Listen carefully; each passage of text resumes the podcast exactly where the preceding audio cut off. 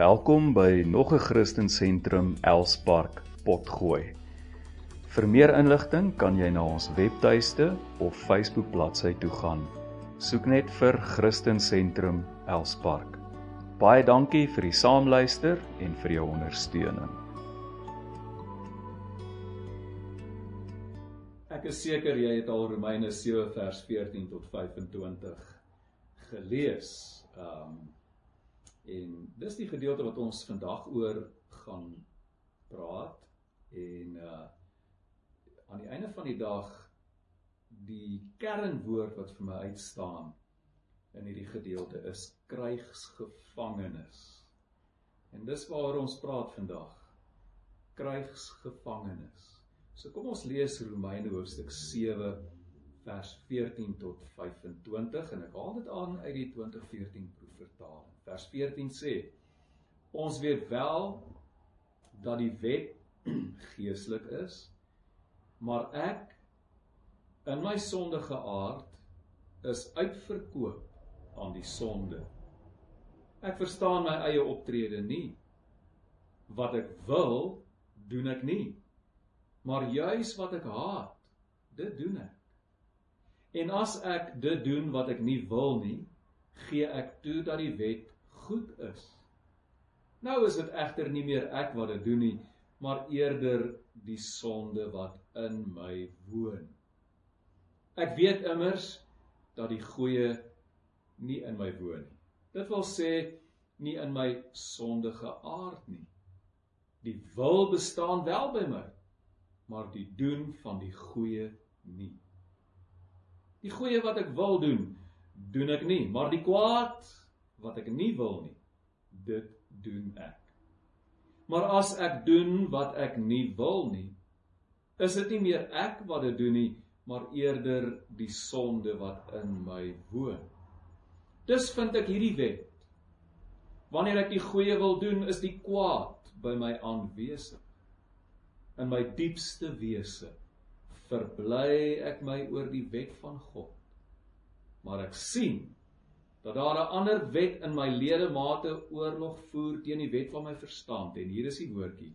En my krygsgevangene of krygsgevange neem deur die wet van die sonde wat in my ledemate is. Elendige mens wat ek is wie sal my tog red vanuit hierdie doodsbestaan? Aan God die dank deur Jesus Christus ons Here. So dien ek self dan met my verstand die wet van God, maar met my sondige aard die wet van die sonde. Baie bekende gedeelte. Jy moes dit al, soos ek gesê het, jy moes dit al gelees het, jy moes dalk al 'n paar preke hieroor gehoor het. Uh ek wil begin deur heel eerstens 'n uh, 'n misverstand op te klaar. Paulus skryf hierdie gedeelte in die eerste persoon, naamlik ek. Van vers 14 af regdeur tot by vers 25 gebruik hy die woordjie ek. Vers 15 sê hy byvoorbeeld ek verstaan my. sien jy hoe hy in die eerste persoon praat? Ek verstaan my eie optrede nie. Nou wie is hierdie ek? Waarvan Paulus praat. Praat Paulus van homself? Dis ek Paulus? Is dit ek Paulus? Nou en en as dit hy is wat van homself praat. As as hierdie ek Paulus is. Uh uh praat hy van homself as die Paulus voordat hy 'n Christen was? Of praat hy van homself as Paulus die Christen? Met ander woorde, dit is ek Paulus, die volgeling van Jesus, vervul met die Heilige Gees wat in hierdie twee stryd is wat hy vir ons beskryf in hierdie gedeelte. Om hierdie vraag te antwoord, is dit baie belangrik om te onthou dat Paulus in hierdie gedeelte hoofsaaklik met Christene praat wat uit 'n Joodse agtergrond Met ander woorde, hierdie is Christene wat groot geword het met die wet. Wet van Moses. Hulle ken die wet. Hulle is lief vir die wet. Hulle het niks anders as bewondering vir die wet nie. En en en as as ons deur hierdie uh, gedeelte lees, dan sien ons hierdie bewondering vir die wet. Paulus praat byvoorbeeld van dit as die in in hierdie selfde gedeelte praat hy van dit as die wet van God. Hy noem dit nie die wet van Moses nie, die wet van God, want dis eintlik wat dit is. Dis die wet van God wat deur Moses na die Jode, na die Israeliete toe gekom het. So wat Paulus praat hierdie gedeelte van die wet van God. In en dan in vers 14 sê hy ons weet wel dat die wet geestelik is. Ja, daar's nog iets. Die wet is geestelik. Vers 16 sê en as ek dit doen wat ek nie wil nie, gee ek toe dat die wet goed is. Ah, die wet is goed. En dan vers 22 sê hy in my diepste wese verbly ek my oor die wet van God. So uit hierdie gedeelte sien ons, hy praat van die wet as die wet van God. 'n Wet wat geestelik is. 'n Wet wat goed is. 'n Wet wat elke ernstige Jood in sy diepste innerlike wese hom of haarself oor verbly het.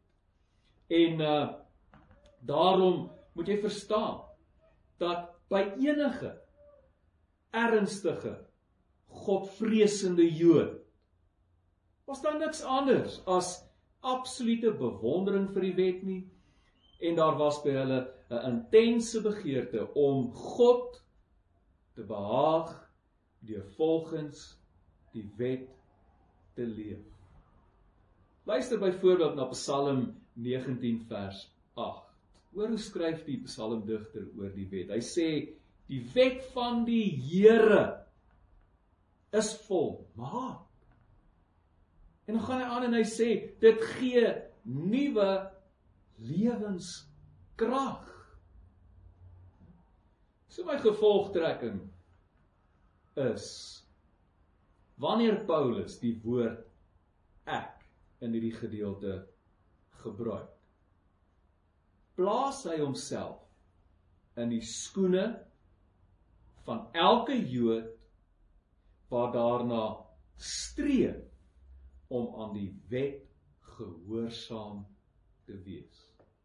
Die ek in hierdie gedeelte is dus nie die weergebore geesvervulde Paulus nie, maar elke Jood wat sê ek Ek wil met my hele wese gehoorsaam aan die wet wees. Ek wil met my hele wese gehoorsaam aan God se wil wees.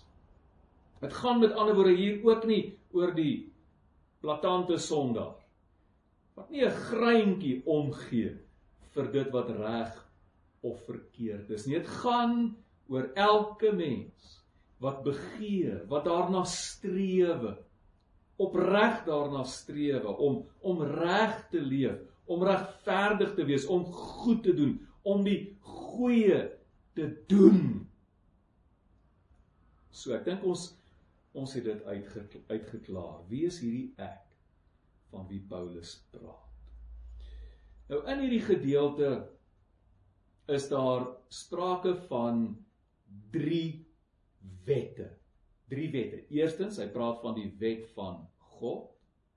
Tweedens, hy praat van die wet van my verstand. En dan derdens, hy praat van die wet van sonde. Nou kom ons praat net eers oor wat bedoel hy met die wet van God? As hy praat van wet van God, dan is dit wet in die ware sin van die woord. Met ander woorde, wette wat nagekom moet word wette wat jy nie mag oortree nie, amper soos Suid-Afrika se grondwet. OK. Maar as hy praat van die wet van my verstand, wet van my verstand of die wet van sonde, dan gaan dit eerder oor is dit gaan nie oor reëls soos met die wet van God nie of of wette nie. Dit gaan eerder hier oor wetmatighede. Ons kan ook praat van kragte, kragte wat in ons werk. Ons praat byvoorbeeld van die wet van swaartekrag, né? En wat sê hierdie wet? Hierdie wet sê daar's 'n krag. Want as jy 'n klip in die lug en opgooi, maak nie saak hoe hard jy die die klip in die lug opgooi nie, daardie klip gaan weer terugval na die aarde toe want daar is swaarte krag. Nou die wet van my verstand, die wet van my verstand kan ek ook my wilskrag noem. OK, die, dit kan ook my wilskrag genoem word. Paulus noem dit die wet van my verstand omdat enige iemand wat die wet geken het, geweet het, jy het verstaan, dis die wet van my verstand. Jy het geweet wat reg is. Om te praat van die wet van my verstand is om te sê ek weet wat reg is en ek het die wilskrag, die innerlike wilskrag, die opregte begeerte om te doen wat reg is. Maar daar is nog 'n krag wat ook in my werk, naamlik Paulus noem dit die wet van sonde. Vers 23 praat hy van die, van die wet van sonde wat in my lede mate is. Die wet van sonde wat in my ledemate is. In vers 14 praat hy van sy sondige aard. Nou hierdie vertaling sondige aard is die Griekse woordjie is vlees. Met ander woorde my vlees. My sondige aard, my vlees. Nou as hy praat van my vlees, dit gaan nie oor my my liggaam as sodanig nie, maar dit dit gaan veel eerder oor my sondige natuur. My sondige aard, my sondige natuur wat in my liggaam teenwoordig is in die vorm van sterk drange, beperkings, ek word moeg. Beperkings as ook tekortkominge. Mens verstaan nie altyd alles nie ensovoorts. Hoeveel tekortkominge het ons nie? Hoeveel beperkings het ons nie? Hoeveel sterk drange het ons nie? In vers 20 sê Luister mooi.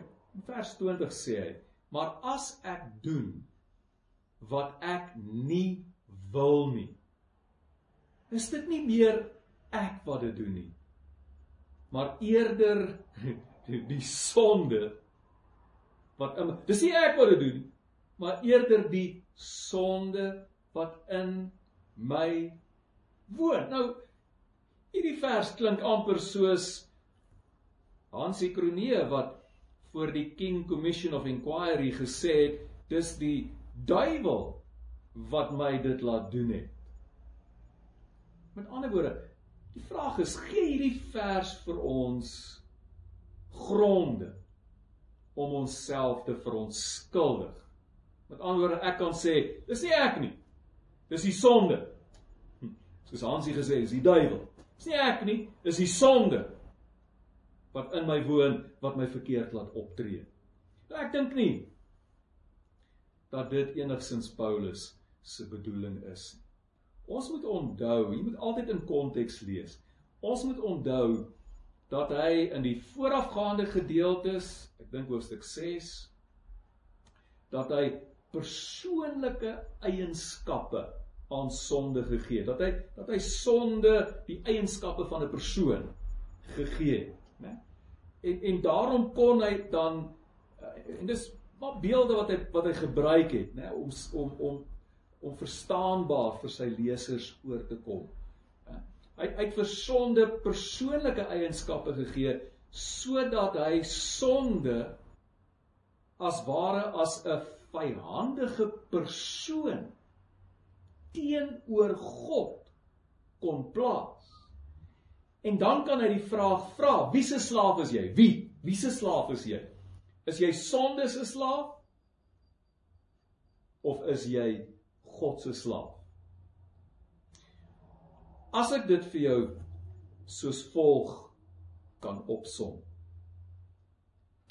Wat eintlik hier aan wat eintlik hier ter sprake is, na my mening. Ons moet besef sonde is 'n vreemde mag. Dis vreemd aan God se skepping. God het hierdie hele skepping, die kosmos, die hemel en die aarde gemaak en toe hy klaar was, het hy gesê, het hy daarna gekyk en hy en hy het gesê dit is goed. So sonde is 'n is 'n vreemde mag wat deur Adam ons menslike bestaan binne gedring het en nou binne in jou en my is. Dit is in ons. Maar let op. Dit het so deel van ons menswees geword dat dat ons daarvan kan praat as my sondige natuur. Dis my son. Dis ek. Dis ek. Dis my son. Dis wie ek geword het. Dis wie die mens geword het. En hoor nou mooi. Hoor nou mooi. Hierdie mag naamlik my sondige natuur baie sterker as my wilskrag. OK? Baie sterker as my wil wilskrag. Ek, ek weet wat reg is. Ek span al my krag in om te doen wat reg is. Maar my sondige natuur die wet van sonde, soos Paulus dit noem, my sondige natuur is sterker as my wilskrag op sy sterkste. Op sy sterkste. Ja. Hm. Deur my wilskrag kan ek van tyd tot tyd oorwinnings behaal. Ja, ek kan ek kan re relatiewe goeie lewe leef. Ek kan van tyd tot tyd oorwinnings behaal, maar my broer, my suster, dis nie volhoubaar nie. Dis nie volhoubaar nie. Aan die einde wen my sondige natuur die oorlog, die stryd elke keer. Elke keer. Wat gebeur As jy leef maar jy die oorlog verloor. Die oorlog verloor. Jy word 'n krygsgevangene. En hier's ons woordjie. Jy word 'n krygsgevangene. En dis presies wat Paulus bedoel met vers 23. Maar ek wanneer hy sê, maar ek sien dat daar 'n ander wet in my ledemate oorlog voer. sien jy die stryd, oorlog voer. 'n Ander wet wat oorlog voer teen die wet van my verstand en my krygsgevange neem deur die wet van die sonde, deur hierdie sondige natuur wat in my ledemate is. Wat is 'n krygsgevangene? Wat is 'n krygsgevangene? Krygsgevangene is iemand wat die oorlog verloor het. Het jy hom? Krygsgevangene. Is iemand wat die oorlog verloor het. Om die wet te probeer onderhou in sy totaliteit. Verlore stryd. Dis 'n verlore stryd. Dis 'n oorlog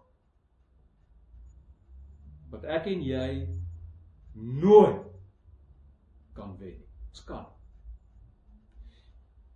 Jy veg teen 'n krag wat net eenvoudig te sterk is.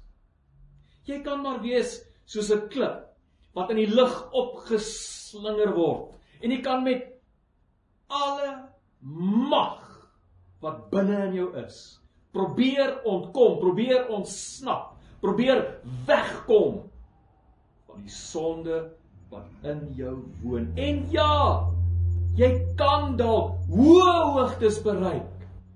Maar aan die einde van die maar aan die einde van die dag is die swaartekrag van sonde net te sterk. En jy tuimel maar weer terug in sonde in. In sonde in. Beeld wat by my opkom. Is 'n ou klein muurtjie wat in 'n spinneraak vasgevang is. Hoe meer die muurtjie spartel om los te kom, hoe minder krag en hoe moer word hierdie muurtjie. En hoe meer word hy verstrengel en vasgevang in die web. En uiteindelik kom die spinnekop en verslind hom. Die dood kom is onvermydelik. Kan nie ontsnap nie. En dit dit is ons en die hele mensdom se dilemma. En dit is hoekom ons nooit gered kan word deur selfs ons bes te probeer om God se goeie volmaakte wet te onderhou nie. Dis 'n oorlog wat ek en jy nooit kan wen nie. En daarom ons het nie net hulp nodig. Hulp is nie goed genoeg nie. Ons het baie meer as net hulp nodig. Ons het redding nodig. Ons het nodig dat iemand buite onsself, iemand wat buite hierdie web staan, iemand buite onsself sal kom en ons sal kom red. Want selfs die beste mens met die beste motiewe, met die sterkste wilskrag moet uiteindelik die stryd gewonne gee met 'n sug. Elendige mens wat ek is. Wie wie sal my tog red van hierdie doods bestaan? Die antwoord. en dis 'n antwoord waarvoor ons God elke dag moet dank. Die antwoord is deur Jesus Christus ons Here. Jesus, my broer, my suster, my vriend is en bly jou en my en die ganse mensdom se enigste hoop. Amen.